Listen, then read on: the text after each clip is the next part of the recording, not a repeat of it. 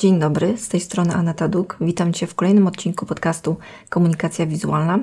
W tej produkcji mówimy o projektowaniu graficznym mocno osadzonym w strategii marki. Dzisiaj chciałabym zaprosić Cię do wysłuchania mojej rozmowy z Radkiem Klimkiem, twórcą podcastu i bloga Sardynki Biznesu. Radek kieruje swoje treści do małych, a nawet mikroprzedsiębiorstw i bardzo ciekawie mówi o misji i wizji firmy, właśnie w odniesieniu do małych, nawet jednoosobowych działalności, prostymi słowami i z przyziemnymi przykładami.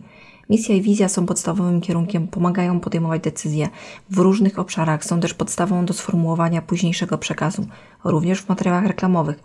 Czym jest misja i wizja, jak je sformułować i jak z nich korzystać, tego dowiesz się z naszej rozmowy.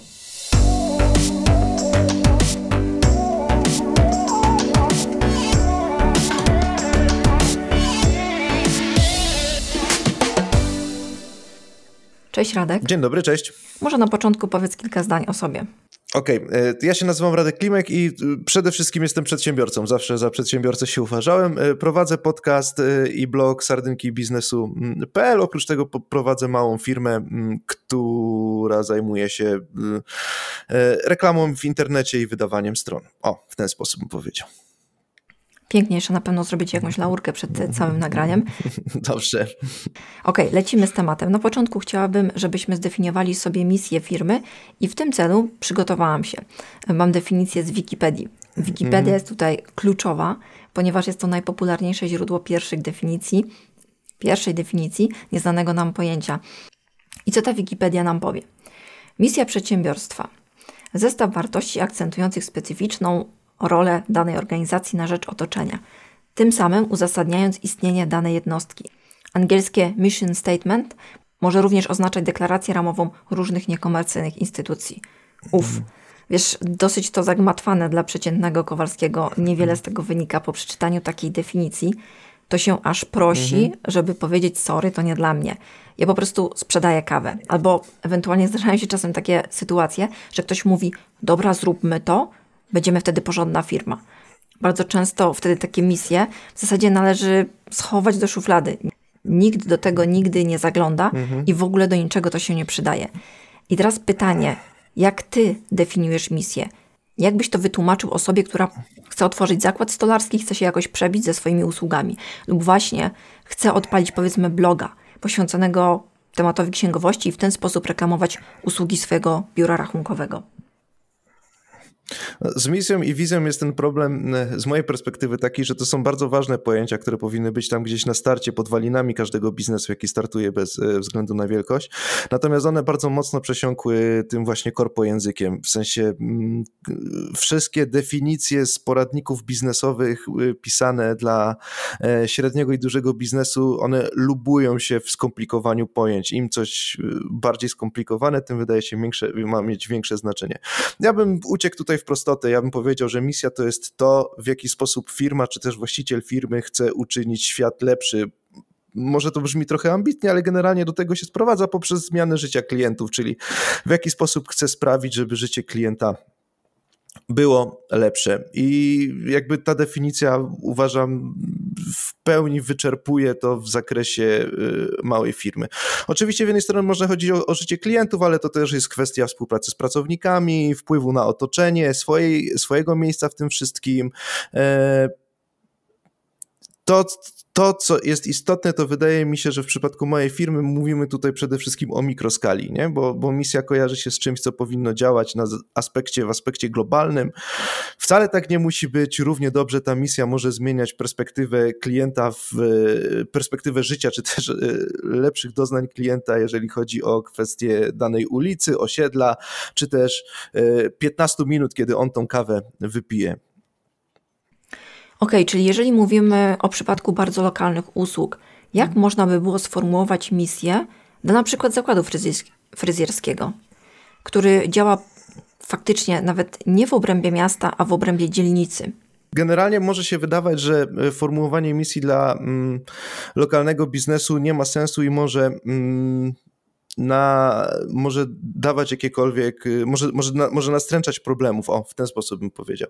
Jeżeli chodzi o zakład fryzjerski, jest milion możliwości. W zasadzie w każdym biznesie jest milion możliwości. Zaczynając od zakładu, misją może być to, że robimy najbardziej solidne fryzury męskie w danym osiedlu i na danym osiedlu. I jeżeli faceci wiedzą, że chcą wyglądać porządnie, chcą się dobrze z tym czuć, to przychodzą do nas. Z drugiej strony może być dokładnie to samo, że robimy najbardziej szałowe e, fryzury dla e, kobiet w wieku 20-30 lat, które podążają za nowymi trendami mody.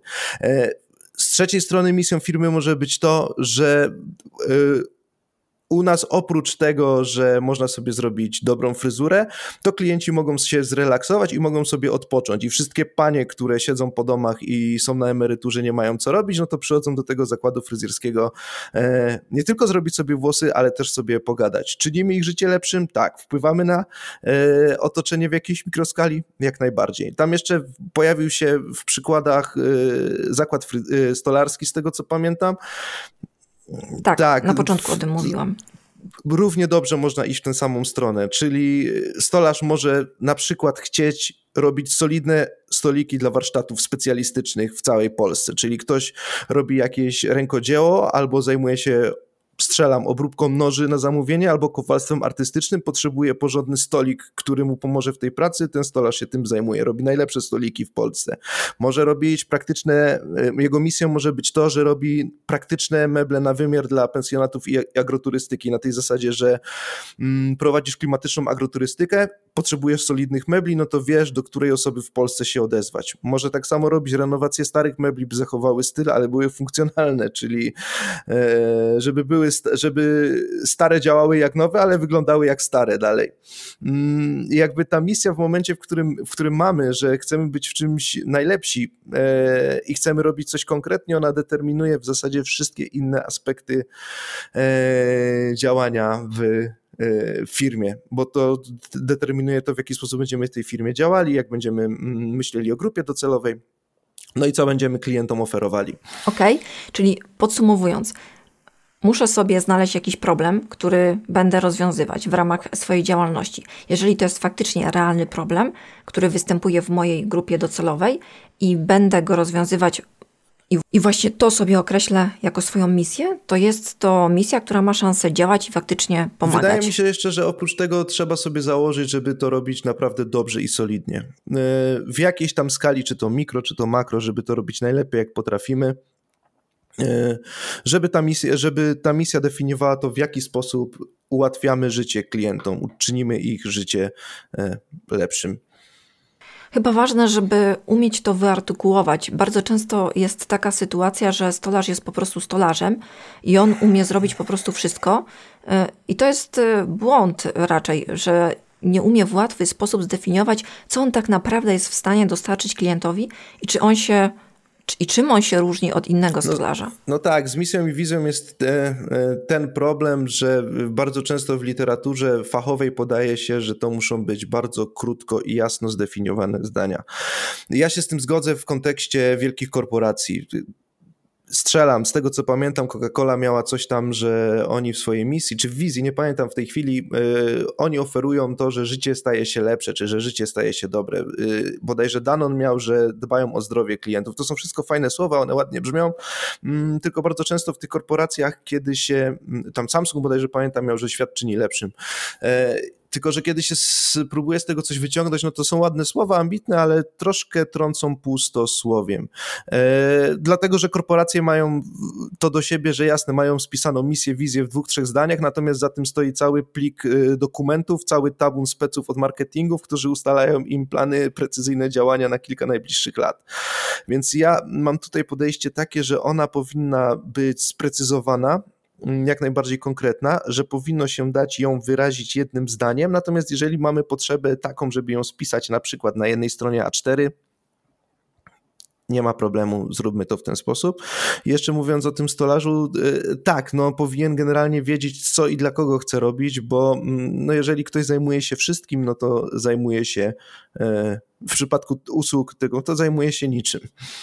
Okej, okay. trochę już powiedziałeś o korporacjach, bo chciałabym, żeby to zestawić z małą firmą.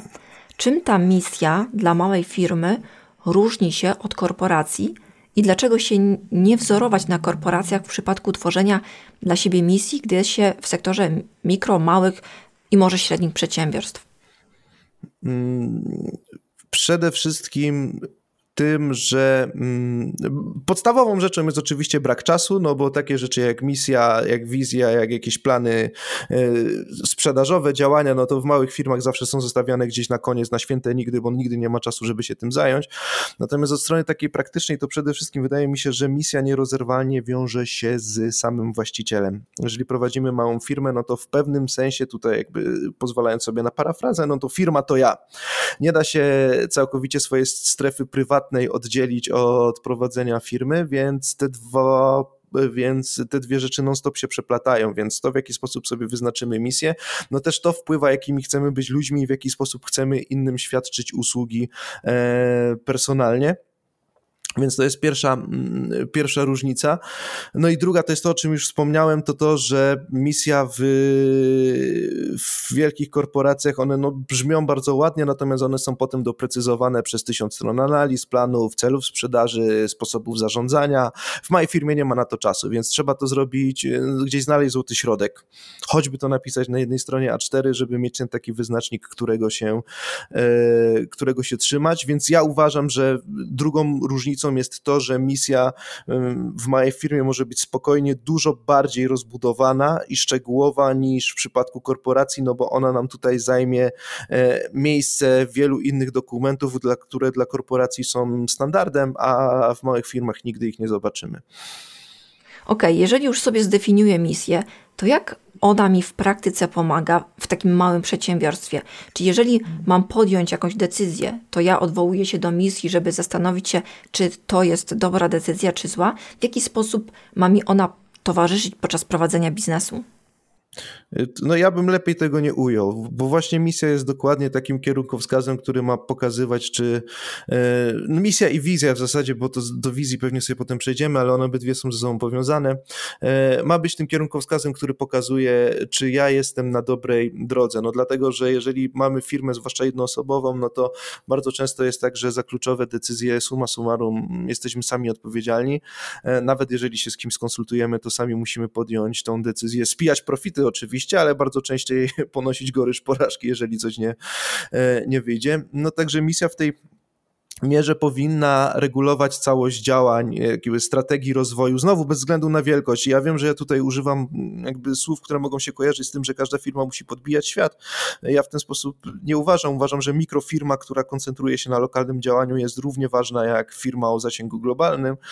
No ale misja oprócz tej yy, całości działań, strategii rozwoju, sprzedaży, obsługi klienta, relacji z pracownikami, no i własnego podejścia do rozwoju biznesu, no to są rzeczy, które wyznaczają jakby ścieżkę, po której się, e, po której się poruszamy. No bo jeżeli weźmiemy sobie jakąkolwiek, e, strzelam, jakiś lokalny biznes na zasadzie restauracji i mamy dwie koncepcje tej restauracji. Jedna to jest misja, która mm, mówi o tym, że w tej restauracji są najlepsze że to jest najlepsze miejsce na dobry rodzinny obiad, który można zjeść z rodziną, rodzinny obiad z rodziną, który można zjeść w mieście, a druga misja mówi, że to jest również najlepsze miejsce, ale na biznesowe, kameralne spotkanie.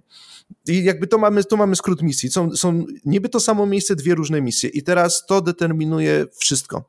Począwszy od wystroju, bo inaczej będziemy przygotowywali wystrój pod to, żeby mogło się spotkać wiele klientów, żeby tworzyć atmosferę gwaru, radosnej zabawy, żeby mogły siedzieć obok siebie dwie dziesięcioosobowe rodziny, a inaczej będziemy y, projektowali wystrój miejsca, gdzie musi być kameralnie, stoliki muszą być oddzielone od siebie, tak żeby jedna, jeden stolik nie... Mm, nie podsłuchiwał. Tak, no tak, żeby było miejsce na dobrą rozmowę. To jest całkiem inny poziom wyszkolenia obsługi. E, to jest całkiem inny poziom oferty związanej z mm, wartością wartością dodaną, bo będzie trzeba, bo dla spotkań firmowych trzeba mieć dobre Wi-Fi, na przykład obsługa musi być przygotowana, że jak są potrzebne jakieś rzeczy typu strzelam, notatnik albo teczku, teczka, aktówka, to trzeba coś takiego podać, jeżeli będzie taka potrzeba. Będzie całkiem inne menu. E, w tym pierwszym stawiamy na solidne polskie obiady. Tam będzie żur, tam będzie grochówka, tam będzie można się najeść pełnie i dosyta. Tam piwo wystarczy jakieś lane popularne z, z kija. W tym drugim strzelamy, spokojnie można sobie wrzucić jakieś krewetki w sosie beszamelowym, ofertę lunchową. Na pewno nie są nam potrzebne takie rzeczy jak jakieś happy hours, bo to nie jest w ogóle ten target. Ceny będą dużo wyższe, będzie zupełnie inna karta win. E, będą, jeżeli piwo, no to strzelamy w jakieś kraftowe i prawdopodobnie jeżeli w butelkach to tylko 0,33 za 20 zł. E, I jakby... Ja widzę, że tu spokojnie możemy otworzyć całą znaczy, restaurację. Znaczy, chodzi mi o to, że, że to jest tylko jedno zdanie, prawda? To jest tylko jedno zdanie. Mamy najlepsze e, rodzinne obiady i mamy najlepsze miejsce na biznesowe spotkanie, co nie znaczy, że biznesmen, jeżeli nie chce iść, zje sobie solidnego obiadu, że tam nie pójdzie, ale zgodnie z zasadą jakby Pareto, mamy tutaj działania, które muszą się skoncentrować na tej grupie 20% kluczowych klientów, prawda? I. Y, Wiesz co, powiem ci tak, sorry, mhm. że się wtrącę. W ogóle taki temat y, dobry poruszyłeś, że, właśnie ten mały przedsiębiorca musi dużo więcej ogarniać tematów niż jakiś prezes w korporacji. Znaczy, nie chciałabym tutaj generalizować, bo zaraz się okaże, że jakiś prezes powie, mhm. że ja to mam to i tamto, a w małej firmie tego nie ma. Bardziej e, mi chodzi o wachlarz tych różnych tematów, że mały przedsiębiorca wiele decyzji podejmuje sam. Wystrój wnętrza, jak ma wyglądać. Rzadziej jest tak, że zatrudni sobie konkretnych ludzi, którzy mu dokładnie zaprojektują wszystko. Wiele decyzji sam podejmie odnośnie późniejszej promocji, produkcji jakichś materiałów reklamowych itd. Tak Te wszystkie decyzje będzie podejmował sam. W przypadku korporacji są od tego specjalne działy.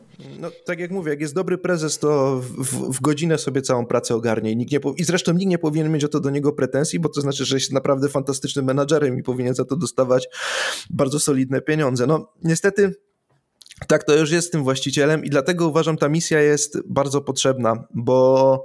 Yy, Wiele osób sobie nie zadaje tych pytań, no i potem troszkę kręcą się w kółko i walą głową w stół. Gastronomia jest najlepszym przykładem, jeżeli chodzi o lokalny biznes, bo gastronomia generalnie według statystyk notuje największą liczbę upadków. E, w sensie jest największa. Zwłaszcza teraz. No, ale okej, okay, no żyjemy w ciekawych czasach, które są szczególne.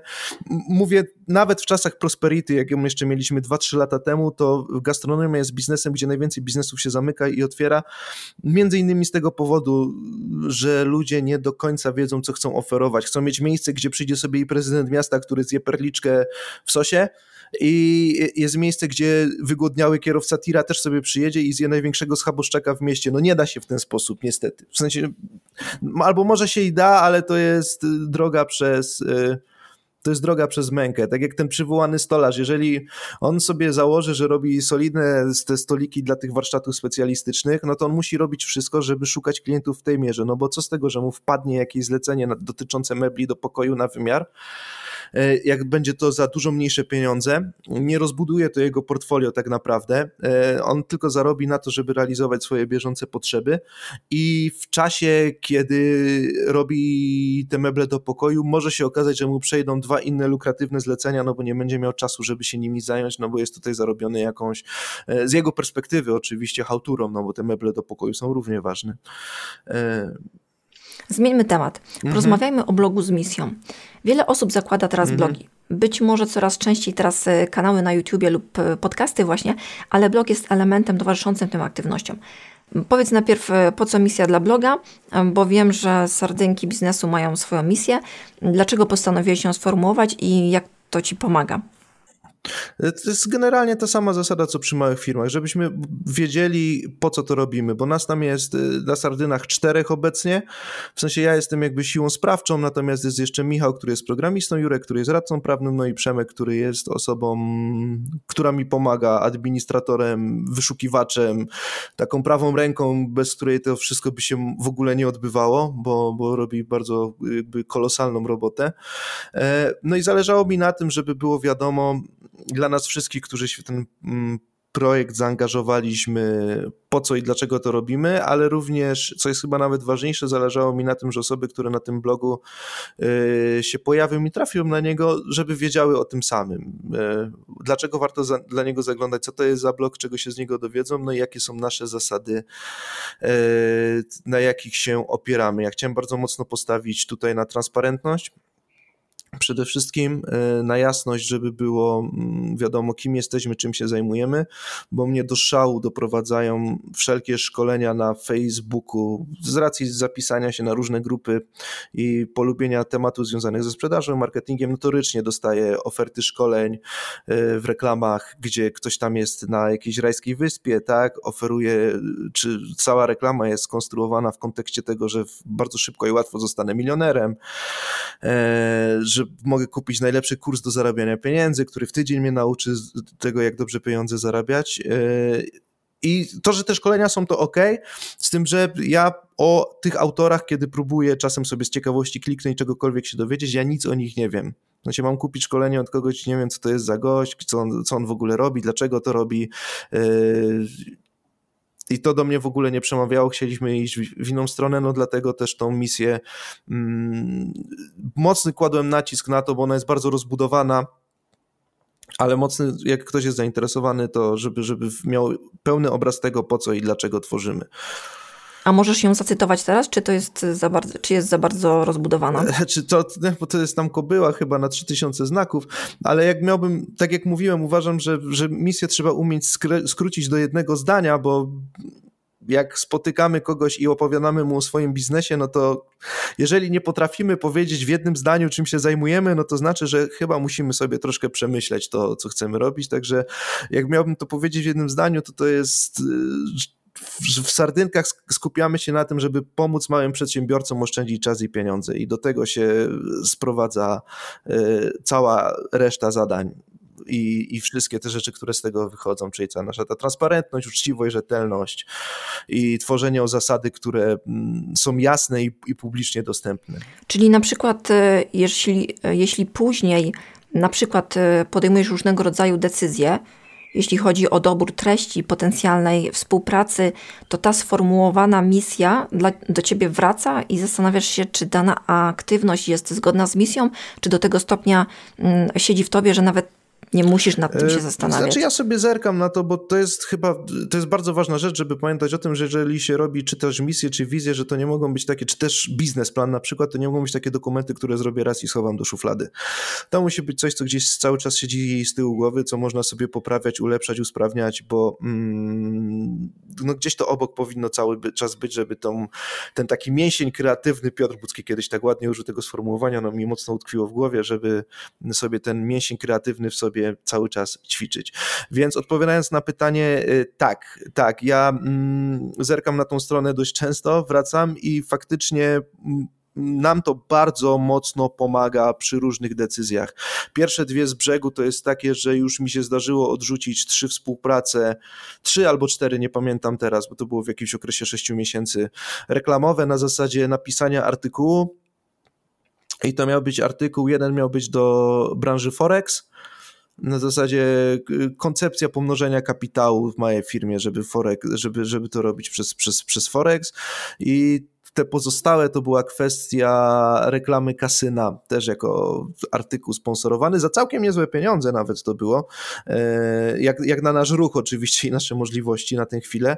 E, no natomiast tutaj jakby misja jasno pokazywała nam, ona jest spisana, że w takie rzeczy nie wchodzimy, no bo to są rzeczy wątpliwe z punktu widzenia mm, jakiejś etyki zarabiania. To są rzeczy, których y, sami nie korzystamy, a skoro sami z tego nie korzystamy, no to nie możemy tego polecić w żaden sposób osobom, które, e, które, które u nas y, działają.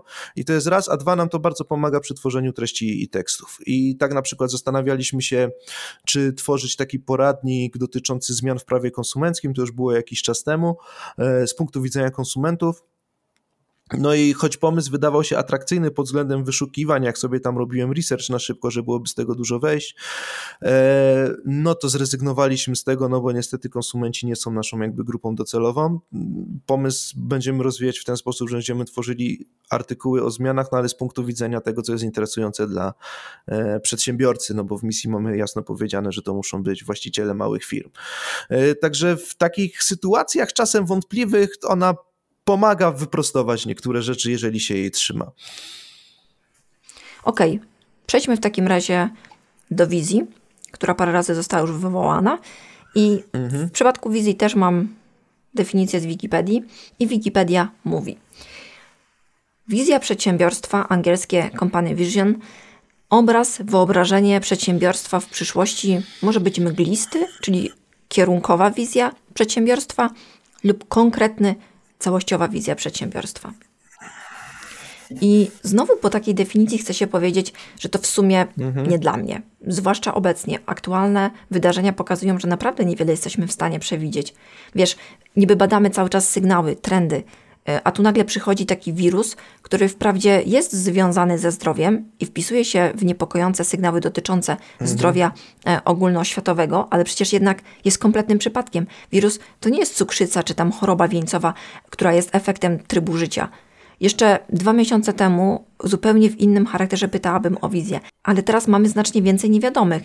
Działa to w sumie tak, że później większe koncerny zaczynają opracowywać jeszcze więcej scenariuszy na przyszłość, a mniejsi chyba jeszcze bardziej idą w niewiadomą i na tej zasadzie co los przyniesie. Bo na dobrą sprawę nic nie wiemy.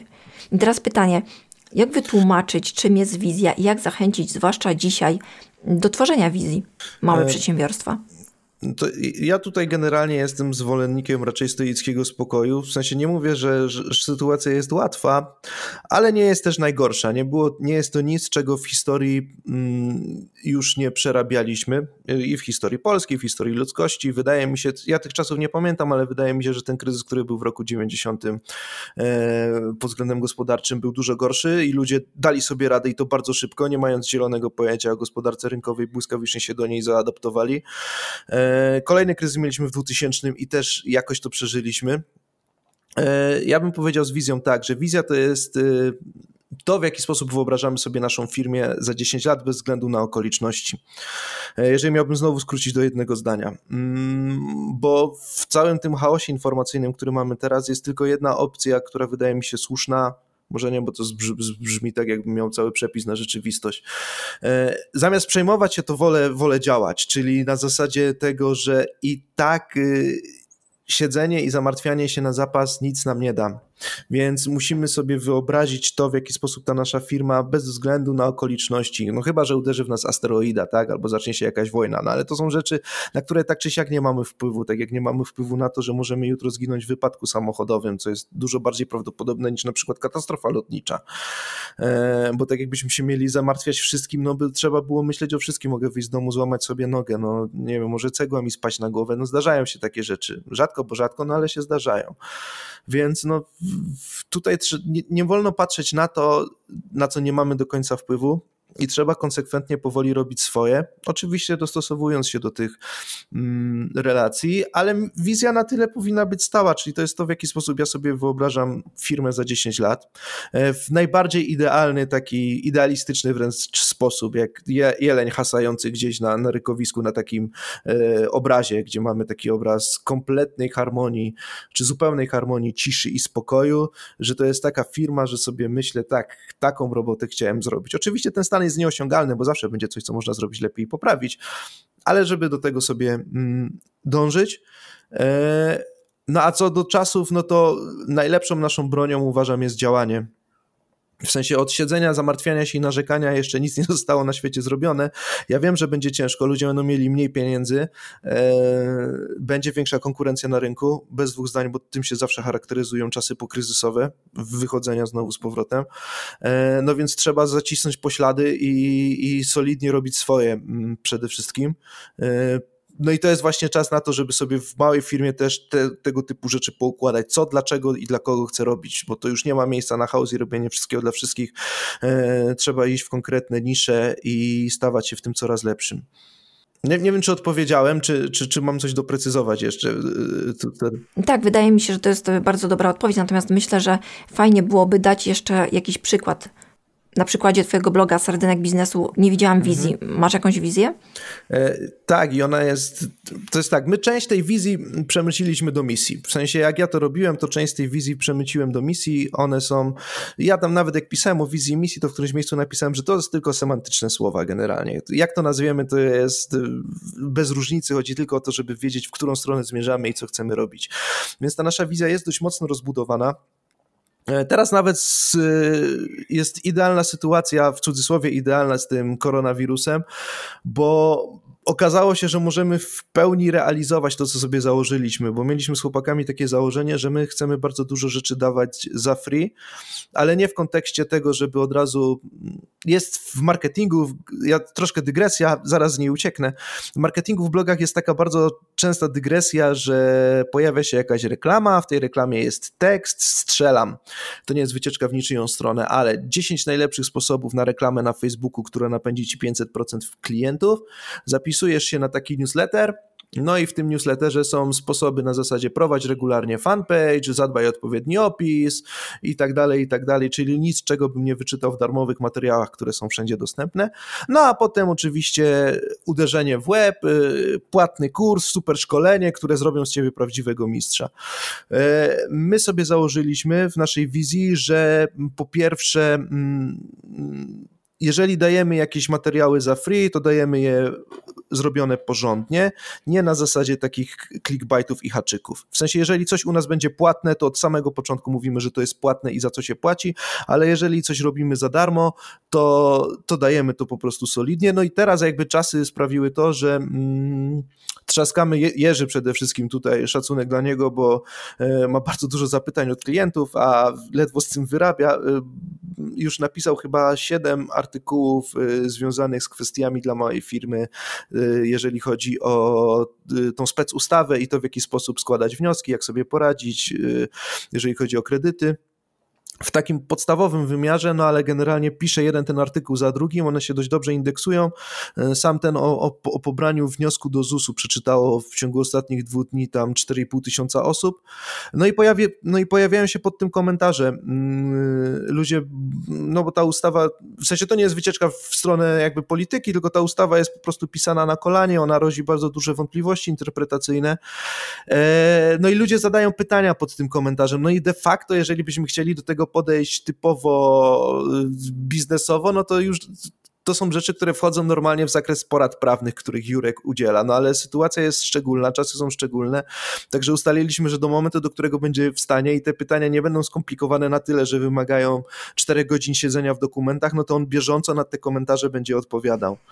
Tutaj faktycznie realna Więc... pomoc no każdy gdzieś tam dokłada, takie są czasy, każdy gdzieś tam dokłada jakąś swoją cegiełkę. E, myśmy sobie założyli w ten sposób, że, że, że tak ta nasza wizja wygląda, no i teraz jakby rzeczywistość to w tej aspekcie weryfikuje, no bo pojawiają się niestety już kursy, e, które, w których podpowiadają właściciele tych kursów, ja zresztą też tam parę kupiłem, w jaki sposób firmę poprowadzić przez e, biznes. Ich, ich ich sprawa, ich wola. Ja uważam, że mm, akurat jest taka sytuacja, że taką wiedzą no, można by to zrobić w, w inny sposób, mm, bo to wszystkim wyjdzie później, jak, jak y, ten, ta epidemia się skończy na mm, lepsze. Koniec dygresji, wracając do wizji.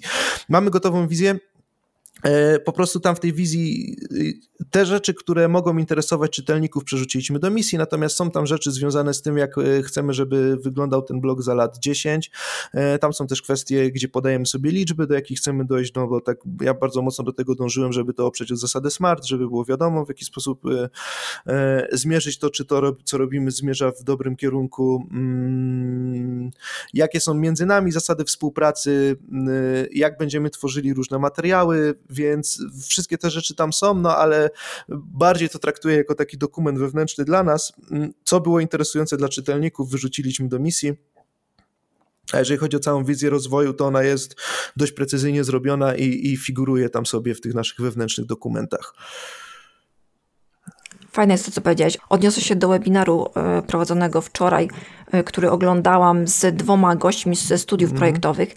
Na tym webinarze był poruszony temat tego, jak firmy, marki obecnie poradziły sobie z weryfikacją deklarowanych wcześniej wartości. Gdzieś tam bardzo często w wartościach na pierwszym miejscu byli ludzie. Ta sytuacja zweryfikowała te wartości. Okazało się, że niekoniecznie. Dlatego fajnie, że poruszyłeś ten temat, że w tej sytuacji kryzysowej tym mhm. bardziej a, odwołaliście się do misji i wizji bloga i zrealizowaliście te wartości. To jest mega sytuacja, bo okazuje się, że mały przedsiębiorca jest w stanie bardziej trzyma się deklarowanych wartości niż duża korporacja. Jest bardziej świadomy, przynajmniej z tego co mówisz, zdecydowanie bardziej jesteś świadomy tych wartości, które komunikujesz niż niejedna duża firma. No, ja nie ukrywam, że ja miałem oczywiście pierwsza myśl, jak zobaczyłem już, bo teraz pewnie też to widzisz, jest wysyp kursów. W sensie każdy kurs teraz yy, mówię. O, tak, zwłaszcza dotyczące pracy tak, zdalnej. Tak, a propos tej sytuacji. Mówię, że teraz każdy próbuje jakby uszcząć ten swój kawałek tortu. Są kursy o pracy zdalnej, kursy o tym yy, właśnie w jaki sposób firma ma sobie radzić yy, w kryzysie. Mm, nie, wszyscy, bo są jakby dwie metody podchodzenia do kryzysu. Dla niektórych to jest koniec świata i tragedia, inni w tym szukają swojej okazji i możliwości. Okej, okay, ja to rozumiem, każdy idzie swoją ścieżką. E, nam też oczywiście taka myśl gdzieś tam pod, przy, przez głowę przemknęła, żeby jakiś szybko na szybko kurs uruchomić, no ale jak sobie mamy plan opracowany na przyszłe dwa lata, co chcemy robić, jeżeli chodzi o produkty płatne, bo też takie chcemy wprowadzać. E, jakby wszystkie blogi czy też podcasty biznesowe do tego zmierzają, e, ale nie odstępujemy od tego planu, przesuwamy go tylko w czasie na tą chwilę, no bo to wracając do wizji, to jest też rzecz, które też jakby z tego wynikają. Myśmy sobie założyli, że my chcemy być praktykami na zasadzie, że jeżeli Michał jest programistą, to on świadczy usługi dla firm programistycznych. Jeżeli Jurek jest radcą prawnym, no to on udziela porad klientom, małym firmom. E, ja dalej obsługuję dwójkę klientów, nie więcej, bo nowych nie biorę, ale chodzi o to, że mam też cały czas kontakt z problemami klientów. Prowadzę zajęcia z Krav Maga w biznesie lokalnym, gdzie też trochę pomagam o kwestii reklamowych, więc to nie jest tylko sama sucha nauka. Yy, więc podjęliśmy gremialnie yy, tą decyzję, że zostajemy przy pierwotnym planie. Tu się nic absolutnie nie, nie, nie zmienia, tylko że przesuwamy te plany, plany, bo sytuacja jest taka, że yy, prostu udostępniamy tą wiedzę, co jesteśmy w stanie za darmo.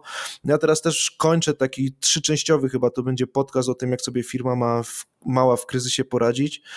Jeszcze muszę trochę materiałów do niego pozbierać. No i de facto tam jest prawie 4 czy 5 godzin nagrań na upartego. Można by z tego jakiś mini kurs tam za 47 zł zrobić, no ale e, tutaj to nas prostuje w tym momencie nie wiem, powiem szczerze, nie wiem jakby to było, jakby to było nasze jedyne źródło utrzymania, bo to jest też ta rzecz, że to jest nasz komfort, że jakby mamy póki co jeszcze inne źródła dochodu jesteśmy sobie w stanie na to pozwolić. No każdy jest w innej sytuacji, to nie chodzi tak, o to, żeby tak, mówić, tak. co inni mają robić. Nie, nie, nie, nie, nie. No po prostu ja mam taką, ja, ja, tak, na to, ja tak na to mm, patrzę, no bo jakby sięgać po te wszystkie kursy, to teraz każdy kurs jest najważniejszy i każdy ratuje firmę. A ja dziennie tych kursów, choćby na samym fejsie atakuje mnie chyba 5 czy 6 różnych reklam, nie? Wszystkie w kontekście właśnie pracy zdalnej, finansów yy, i tak dalej, i tak dalej. E, jasne, że tam gdzieś, bo to też jasne, że tam gdzieś e, liczymy na to, że może dzięki temu ci czytelnicy z nami zostaną dłużej, bo tam lajki na Facebooku strony się pojawiają, ludzie zapisują się na newsletter. E, no ale to. To jest taki no. temat bieżący i to jest rzeczywiście chwytliwe. Tylko pytanie, czy rzeczywiście wartościowe. Jak obserwuję, ile tych newsów pojawia się w kontekście koronawirusa, to mam takie poczucie, że tu już nie ma nic do dodania, czy odnośnie pracy zdalnej, czy różnych porad, czy ilości zachorowań. Myślę, że tutaj temat jest całkowicie mhm. zagospodarowany i wszystko zostało powiedziane, jednak te treści są wciąż produkowane, bo są najbardziej klikane. Ale wróćmy do wizji. Mówiliśmy, jak misja firmy pomaga, a jak wizja pomaga firmie podejmować decyzje. Mhm. To jest coś, co dopiero będzie. Jak kontekst przyszłości pomaga w podejmowaniu decyzji i planowaniu działań. No, to są rzeczy, które są bardzo spójne ze sobą. W sensie jakby dla mnie misja jest podstawą, wizja jest dookreśleniem tego, w jaki sposób ta firma ma rozwijać. I tu podobnie chodzi o to, w jaki sposób ja tę firmę chcę mm, prowadzić.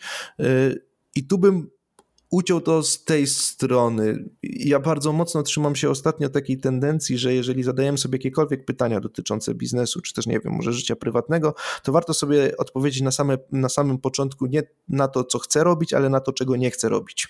Bo tych rzeczy, których ja nie chcę robić, jest dużo więcej. Jak sobie podrzucam wszystko, co nie chcę robić, to zostanie mi tak naprawdę tylko to, e, czym powinienem się zająć. I biorąc pod uwagę wizję w tym kontekście, to e, idąc tym tropem, jeżeli ja mam gdzieś swoją wizję biznesu i pojawiają mi się jakieś opcje rozwoju, zatrudniania, wprowadzania nowych produktów, i zadaję sobie pytanie, czy to są, czy, czy ja tych rzeczy nie chcę robić, bo one mi w ogóle nie pomogą w tym, żeby do tej wizji do, dotrzeć, to to bardzo prostuje e, swój pogląd. Strzelam, no jeżeli ktoś ma mm, biznes dotyczący tego, że marzył, żeby mieć kawiarnię, tak, gdzieś tam w tym naszym konspekcie pojawił się e, e, motyw kawiarni e, i on nie chce mieć sieci kawiarni w całym mieście. E, o, przepraszam, to chyba u mnie.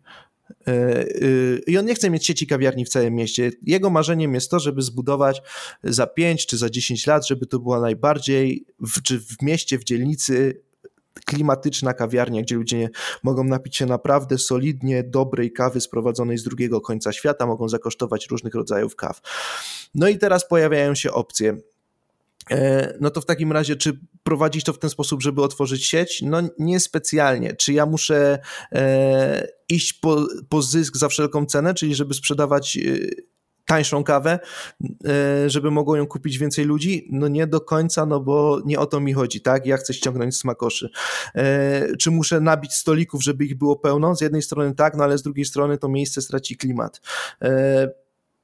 No więc będę musiał walczyć ceną, a skoro muszę walczyć, czy muszę ceny podnieść, no to żeby znowu podnieść te ceny, no to muszę ten klimat budować w inny sposób, czyli muszę e, bardziej promować to, że to miejsce jest unikalne, że nigdzie się takiej kawy nie dostanie, e, że mm, w, jakby w sferze tutaj swojej zawodowej ja cały czas się szkolę, jeżdżę na kursy, żeby o tej kawie wiedzieć jak najwięcej, żeby ona była jak najbardziej smaczna, żeby była lepsza niż e, u innych, e, w innych miejscach, że jeżeli potrzebuję więcej pieniędzy, a ma to być tylko i wyłącznie moje jedno miejsce, no to ok, trzeba rozważyć kwestię do sprzedaży. Albo do sprzedaży klientom na miejscu, albo może odpaleniu sklepu online z najlepszą kawą. Jakby wszystko to pozostaje w kręgu wizji, ale powoduje to, że mm, te działania są ukierunkowane w tym celu, który sobie wymarzyłem. Bo ja nie chcę sprzedawać taniej kawy, tak? Nie chcę sprzedawać kawy, którą ktoś w biegu weźmie, tylko wypije i nawet tego nie zauważy, nie zanotuje. Nie, ja chcę, żeby on sobie przysiadł, podelektował się, żeby mógł skosztować za każdym razem czegoś innego. Więc podobnie jak misja, to, to jest ta rzecz, która też ma być takim pstryczkiem w nos. Czy ja dobrze robię to, co robię? E, no bo potem, jak do niej nie dążymy, no to ja w, z przykrością odnosiłem czasem takie, czy miałem takie rozmowy z kolegami, którzy firmę prowadzą, że jak tak gadaliśmy, mm, to oni mówią, no, że w sumie to oni tej roboty tak za bardzo nie lubią. A to, to, to czemu to robisz? A, bo w sumie co miałbym robić innego? No i to potem jakby bez wizji to to jest właśnie prosta droga do takiego kręcenia się w kółko i, i, i, i walenia głową w mur. Wydaje mi się, że w prowadzeniu firmy nie powinno o to chodzić, w sensie to powinno sprawiać, jasne, że to jest ciężka praca odpowiedzialna, zwłaszcza w Polsce, to jest jak chodzenie po polu minowym, jeżeli mówimy o, o biurokrację w pewnych aspektach, no ale to powinno przede wszystkim sprawiać frajdę, satysfakcję i oddalać gdzieś to widmo wypalenia zawodowego od nas i mm, ludzie lubią wiedzieć po co robią dane rzeczy, mając cel, no i wizja to mm, zdecydowanie ułatwia. I to tyle w zasadzie.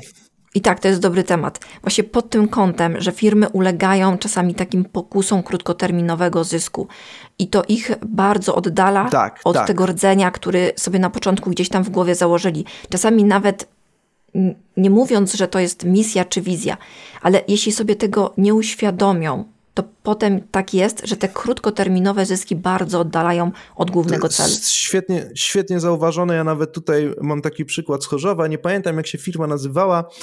To była mała lokalna firma i oni robili pączki. I to była firma, która robiła takie pączki, że oni je dowozili tutaj na Śląsk, pamiętam do Krakowa. W każdym razie tam codziennie, jak y, otwierali jakieś cukiernie, gdzie oni te pączki dowodzili o siódmej, to tam codziennie było jak w tłusty czwartek, w sensie tam się ustawiała kolejka 10-15 osób po te pączki. Dlaczego? No bo tych pączków, one były oczywiście wyśmienite, ale ich też nie było za dużo, nie? bo oni mieli sobie właśnie misję, że oni robią najlepsze pączki na Śląsku i faktycznie mm, to była, ja nie pamiętam nazwy tej firmy teraz, ale to była tutaj w Chorzowie, w Świętochowicach doskonale znana marka.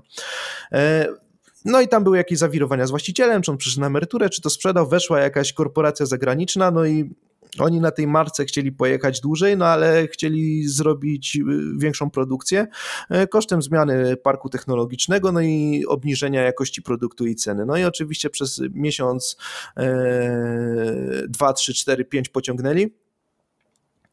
No i potem mi to wszystko padło. I to jest bardzo dobry przykład. Ja miałem tą historię z pierwszej ręki. Taksówkarz, który mnie kiedyś wiózł, opowiadał, że był kurierem w tej firmie e, i jeździł do Krakowa codziennie z tymi pączkami. Jeździł samochodem osobowym, miał cały samochód pączków i jeździł codziennie rano z, e, z Chorzowa, czy też ze Świętochłowic, chyba z była ta, ta, ta, ta piekarnia tych pączków, czy pączkarnia. I jeździł codziennie rano do Krakowa. E, no i potem gdzieś jakby to, co mieli robić się rozmyło, przyszła wizja zysku. W sensie zarabianie nie jest złe, no tylko za jaką cenę, nie? Wiesz, w takich mądrzejszych książkach marketingowych mówi się, że w takiej sytuacji to trzeba stworzyć nową markę. Czyli tamta powinna mhm. sobie funkcjonować jako najlepsze pączki lokalne, natomiast korporacja, jeśli chciała masówkę, powinna zrobić to pod inną marką i nie psuć tej pierwszej. Dlatego też duże korporacje tworzą dużo marek, natomiast mali powinni trzymać się swojej wizji. Dobra, ja chciałam jeszcze skręcić w taki zupełnie inny temat. Jest to w końcu podcast o projektowaniu graficznym i korzystając z faktu, że mam Cię na linii, zapytam Cię o Twoje logo. O logo sardynek biznesu. Nazwa marki to sardynki biznesu. Domyślam się, że sardynki to nawiązanie do małych przedsiębiorców. Tak, dokładnie. W kontraście z rekinami biznesu. Natomiast w logo masz piranie pożerające się nawzajem. E, I zastanawiam się, czy jest w tym jakiś głębszy przekaz? Czy to po prostu tak wyszło? Jak to wyglądało w przypadku projektowania tego logo? E, no to ja to logo generalnie kupiłem na świętej pamięci w fotoli, w sensie jak dobrze, fotoli już nie ma. Teraz to jest Adobe Stock. lata temu cały. Tak, Adobe to wykopiło. E, i to było lata temu, w sensie, bo ja ten blog założyłem równolegle chyba z tym, jak założyłem działalność gospodarczą, z tym, że on tam przez 5 czy 6 lat regularność wpisu była raz na pół roku generalnie. Bo miałem oczywiście na to wieczne plany, zawsze to odkładałem na później, nasz już przyszedł taki czas, że już sobie powiedziałem, zaczęło mnie już wszystko boleć, jak zacząłem rano wstawać z łóżka, także gdzieś tam już śmierć kostuchą zobaczyłem na horyzoncie, mówię, jak teraz tego nie, nie zrobię, to już nigdy, nigdy nie będzie dobrego momentu. E, więc ja to logo znalazłem na fotoli, mm, no i szukałem tego logo dość długo. W sensie bardzo zależało mi, żeby ono było mniej więcej tam zgodne z tymi kanonami, w sensie, żeby tam nie było za dużo kolorów, żeby można je było, jeżeli ktoś je odbije na ksero, to żeby ono dalej zostawiło, było w miarę wyraźne. I tych logo było parę z tymi rybami, bo ja tam chyba sardeles wpisałem, jak dobrze pamiętam, czy coś takiego. Mm, I to mi podpasowało koncepcyjnie, dlatego że mm, z jednej strony te ryby się pożerają, ale jakby na to spojrzeć szerzej, to to, że jakby jest mała, potem średnia zjada tą małą i ta największa zjada tą średnią, czyli one bez siebie nie mogą wzajemnie funkcjonować. I to była gdzieś ta myśl, która mi zawsze towarzyszyła, że. Mm, Nawiązanie do łańcucha. Żeby. Tak, no to jest z jednej strony łańcuch pokarmowy, ale z drugiej, z drugiej strony, żeby myśleć o tym, że małe firmy są najważniejsze. W sensie tak, no, największe korporacje świata, jakie teraz znamy, Microsoft, Amazon, e, nawet, y, nawet obecna Tesla, bo przecież Musk jak zaczynał, to też to robił w jednym pomieszczeniu, to wszystko były mikrofirmy na samym początku. I mi, mi zawsze przyświecała taka myśl w dwojaki sposób. Po pierwsze, że mm, żeby pamiętać o tym, że jeżeli się stworzy dobre warunki dla rozwoju tego najmniejszego biznesu, to yy, prędzej czy później z części tych pomysłów wyewoluują, wyewoluują sążniste, potężne firmy. E, nie ma drogi na skróty nie wiem, może teraz już czasy się zmieniają, no ale kiedyś było tak, kiedyś, czyli to jeszcze 10 lat temu, tak, było tak, że, czy też 15, że generalnie firma, korporacja musiała być najpierw małą, żeby stać się korporacją. Teraz już żyjemy w takiej dobie, że jest dużo korporacji i one trochę tam przenikają się nawzajem. Natomiast mi to zawsze przyświecało, że, że żeby jakby do, istniał dobry dobrobyt i żeby firmy miały możliwość rozwoju, to przede wszystkim trzeba myśleć o tym, żeby były dobre warunki rozwoju dla tych najmniejszych przedsiębiorców. No i to jest właśnie ta druga myśl, e, że nie można tylko skupiać się na tym, e, że duże firmy są ok. W sensie ja uważam, że jakby w tym takim ekosystemie gospodarczym małe firmy pełnią równie ważną rolę i właściciele małych firm w ogóle nie muszą z tego powodu czuć wyrzutów sumienia. Jeżeli ktoś chce być freelancerem i do końca życia chce mieć jednoosobową działalność gospodarczą i pasuje mu to, że siedzi w domu i, i nie myśli, żeby skalować biznes, to to jest, jeżeli się z tym czuje dobrze i robi solidną robotę, to to jest fantastyczna praca, bo bez tej jego pracy te większe firmy nie mogłyby e, funkcjonować. Amen. Więc jakby tutaj, tutaj, tutaj tak, tutaj jakby taka myśl mi przyświecała i, i to logo się mniej więcej e, w trochę naciągany sposób w to wpasowało. A powiedz mi, ile czasu zajęło ci szukanie tego logo? O Jezus, to chyba były dwa albo trzy dni. Z tego co pamiętam. A tak w godzinach? Jak byś to określił? No myślę, że po parę godzin, bo to ja spróbowałem różnych słów kluczowych, w sensie to było tam fish, shark, potem szukałem jak są e, już jakieś tam te płocie czy trocie po angielsku, już nie pamiętam. Leciałem po kolei, no a tam w, w niektórych przypadkach fotoria była tak skonstruowana, że e, wtedy, jak dobrze znowu pamiętam, to już było naprawdę tyle lat temu, że trzeba było, chyba można było mieć tylko 50 wyników na jednej stronie i potem jak było 4000 tysiące wyników, to trzeba było się przez wszystkie przeklikać po kolei. Więc to było.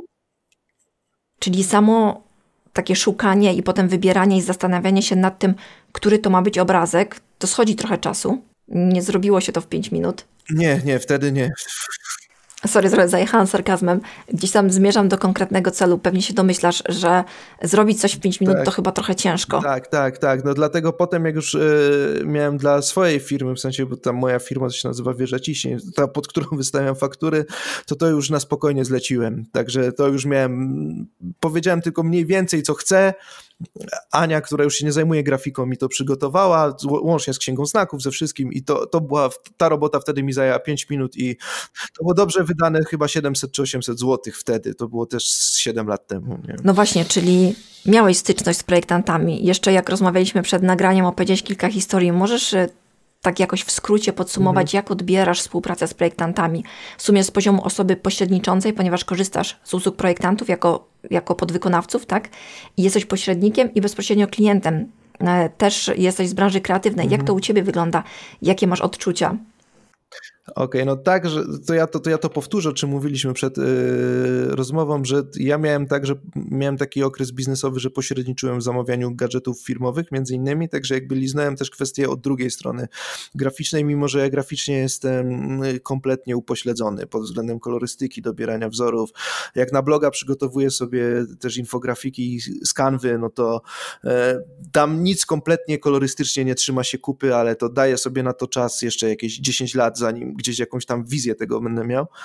E, więc y, no, praca grafika jest generalnie ciężka z małymi firmami. Znaczy z dużymi też jest ciężka, ale z innych względów. Z małymi firmami dlatego, że to jest praca, której nikt nie docenia, niestety. E, jeżeli, choć może jest inaczej z przedsiębiorcami młodszego pokolenia, natomiast, natomiast w tym pokoleniu 40+, plus, e, to to jest dramat, bo to jest klasyczne to z memów klikanie w komputer. Nie? No, ile to jest? Trzy kliknięcia, to i jak ja mam za to 1000 zł płacić za taki projekt? E, więc niestety bardzo wielu przedsiębiorców nie szanuje tej pracy, bo twierdzą, że to nie jest prawdziwa praca, że co to jest taki projekt do zrobienia. Po drugie, jest olbrzymi problem ze zrozumieniem niuansów technicznych. I to wynika z dwóch względów. Po pierwsze, no dlatego, że właściciele firm kompletnie tego nie rozróżniają, no bo też skąd mieli się tego nauczyć? No tu trzeba ich obronić. Co to jest RGB, co to jest smyk, co to jest Pantone i dlaczego się to wszystko nie zgadza, dlaczego to, co widzę na monitorze wygląda inaczej niż ten projekt, który jest wydrukowany, dlaczego te kolory w ogóle się nie zgadzają. E, no po drugie, to jest y, to, że graficy bardzo często, e, czy inaczej, przedsiębiorcy podchodzą do tego, że to trzeba zrobić po taniości. Czyli tu generalnie najlepsza jest cena. To jest, to jest podstawowe kryterium. Nie u wszystkich, ale w olbrzymiej ilości. Nie? Dlatego tutaj znowu zasada Pareto, trzeba grafik musi szukać tych 20% e, kontrahentów, którzy wiedzą, że za dobry projekt trzeba zapłacić dobre pieniądze. E, no więc tutaj po taniości, więc a jeżeli ktoś mi to może zrobić 200 zł taniej, to, to, nie, to niech to zrobi. E, no i problemem jest taki, że z większości z grafików, z którymi ja miałem do czynienia, to to, jest, to są troszkę jak artyści. Na zasadzie komunikacja wygląda w ten sposób, że traktują to jak swoje dzieło, bardzo słusznie, ale niestety nie wszyscy wykazywali chęć do edukacji klientów. I pojawiły się nuty zniecierpliwienia, że dziesiąty raz trzeba tłumaczyć to samo, albo że ktoś tego nie rozumie, że mm, plik wklejony w Word nie do końca nadaje się do wydruku na ulotkę, albo że jeżeli jest, bo to są też, to są jak z briefu historie, ja to też wszystko przeżywałem, że y, zdjęcie kubka jego się nie da obrócić, y, jak ktoś wysyła, nie? Że, żeby, żeby, żeby zrobić to zdjęcie tego samego kubka, to na zdjęciu to była prośba, żeby tak wykadrować to zdjęcie, żeby on był widoczny z drugiej strony.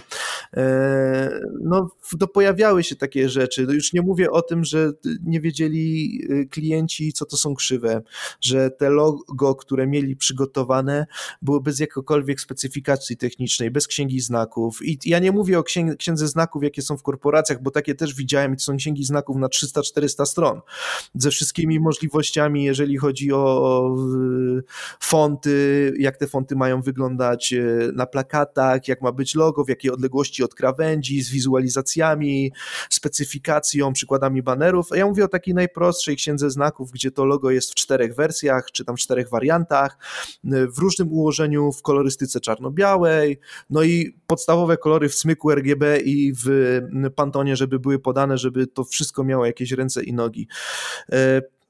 A w korporacjach jest znowu inny problem czasowy, mi się wydaje, że jak przygotowuje się jakieś projekty graficzne dla korporacji, to mimo, że oni w większości rozumieją, o co w tym chodzi, to zanim ten projekt przejdzie wszystkie szczeble decyzyjne, a jeszcze każdy inny szczebel decyzyjny ma inny swój pakiet poprawek, czasem wzajemnie się wykluczających, to zanim się z tym dojdzie do porządku, to, to zajmuje to bardzo dużo czasu.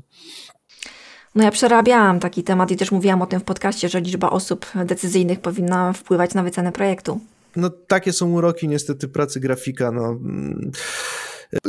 Jako, że miałem okazję współpracować też z osobami, które pracowały przy składaniu i grafice do największych magazynów w Polsce, no w czasach, kiedy jeszcze były drukowane, to parę lat temu, e, no to też mi trochę historii od środka poopowiadali, też, bo, bo też realizowali zlecenia dla korporacji. No więc ja generalnie współczuję. Nigdy bym się chyba za to nie wziął, bo nie miałbym siły się użerać. Powiem ci, już tak puentując to, co hmm. mówisz, sytuacja jest trudna, dlatego że osoby, które zamawiają, zlecają jakieś projekty, mają problem z odróżnieniem pracy dedykowanej na zamówienie od takich pudełkowych rozwiązań, jak mamy na stokach. Mhm. E, sam ze swojego doświadczenia widziałeś, że samo oczywiście szukanie na stoku zajmuje czas. Natomiast jednak to mhm. jest gotowy projekt, który może być sprzedany na przykład 100 razy. Natomiast jeżeli projektant wykonuje projekt dedykowany, sprzeda go tylko raz, a musi nad tym popracować tydzień na przykład. I w takich sytuacjach to ja często odsyłam zleceniodawcę do tego, aby mhm. policzył, ile kosztowałaby e, go praca pracownika takiego, który którego zatrudnia na etat. Jeżeli pracownik ma poświęcić na zadanie tydzień, to ile to kosztuje? E, ze zrozumieniem tego jest problem. Mamy, mamy tych grafik milion w internecie. Ja uważam, że firmy, jeśli nie mają budżetów i nie czują potrzeby ani wartości y, tych projektów dedykowanych, to powinny korzystać z tych gotowych grafik. Natomiast mhm. do projektanta powinni się zwrócić dopiero w momencie, gdy zrozumieją i poczują wartość i potrzebę takiego projektu dedykowanego.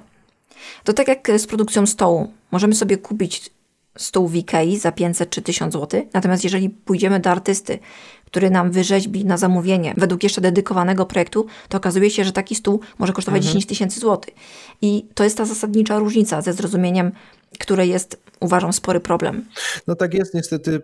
To, to znowu to jest jak przy tych rozmowach rodzinnych. Ja też to przerabiałem na zasadzie młody, co to za robota, tam klikanie w komputer, e, wziąłbyś kilo do ręki, to byś zobaczył, co to jest prawdziwa praca, nie?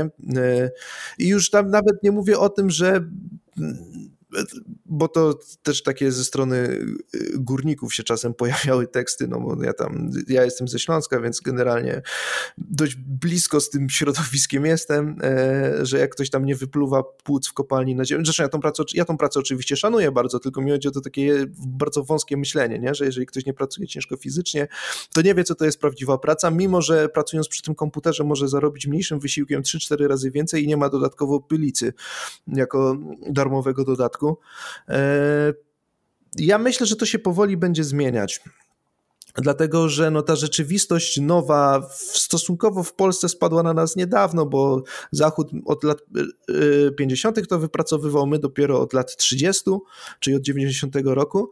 Mm, dwa, no to pokolenie tych, bo jest takie zauważalne, ja bym się pokusił takie stwierdzenie starszych przedsiębiorców, takie pokolenie właśnie tych, którzy rośli w tych czasach drapieżnego polskiego kapitalizmu i oni do tego wszystkiego podchodzą troszkę inaczej, do wartości tego typu rzeczy. Myślę, że jak teraz już będzie wchodziło powoli to pokolenie już nawet młodsze ode mnie, e, to to podejście też powoli się będzie zmieniać. E, na tych problemów jest sporo, no bo skąd ci ludzie mają wziąć te, bo też skąd oni mają wziąć tą wiedzę, skąd oni mają wiedzieć to, że celem ulotki, ulotka jest fantastycznym tematem, no to można nagrać osobny podcast w ogóle, że jeżeli się nie zastanowią, gdzie, po co komu oni tą ulotkę chcą dawać i co za jej pomocą osiągnąć, to nie ma sensu przepisywania na niej całej oferty firmy, bo potem to wychodzą takie pstrokate. E, Najlepiej wszystko wyróżnione. Nie wiadomo Ważne, co. Wszystko było wyróżnione. Wszystko wyróżnione grube, milion, milion zdjęć na tym jest i okej, okay, taka ulotka jest w porządku, jeżeli ją dodajesz do pizzy, którą dowozisz w... Mm, którą dowozisz y, do jakiegoś domu, bo ta ulotka zostaje w tym domu, będą sobie chcieli zamówić tą pizzę, to mają wszystko w jednym miejscu, ale taką ulotkę komu dajesz na ulicy i ma przyciągnąć jego uwagę, no to po co? No po co? No to szkoda tych pieniędzy wydawać naprawdę na to. to w ogóle ulotka graficznie to jest mój ulubiony temat, bo to jest narzędzie obecnie bardzo bagatelizowane, bo trzeba robić Facebooka, AdWordsa i tak dalej. Ja uważam, że niekoniecznie, bo wydaje mi się, że mm, jakby większość problemów wynika z niezrozumienia funkcji, jaką ona powinna pełnić, bo strzelam, jedziemy na targi, to trzeba przygotować jedną ulotkę, ale jeżeli tą samą ulotkę dajemy klientom w klubie, e, żeby sobie zabrali, jak mam jakiś klub fitness, solarium, no to to już powinna być inna ulotka e, i tak dalej, i tak dalej, no to by można jeszcze mnożyć te przykłady. Okej, okay, myślę, że ogarnęliśmy główny wątek, jeszcze kilka dodatkowych, pobocznych, Stuknęła nam godzina na liczniku, więc będziemy kończyć. Dziękuję Ci bardzo za rozmowę. Ja bardzo dziękuję za zaproszenie. E, no i do usłyszenia w przyszłości. Cześć. Do usłyszenia, cześć. Dziękuję Ci za wysłuchanie naszej rozmowy. Mam nadzieję, że wiele wyjaśniła i od dzisiaj misja i wizja nie będą już tajemnicą. Zapraszam Cię również na bloga Sardynki Biznesu, gdzie znajdziesz mnóstwo porad dla przedsiębiorców. Na dzisiaj to już wszystko. Jeśli podobają Ci się te treści, zostaw opinię w iTunes lub na Facebooku. Do usłyszenia. Cześć.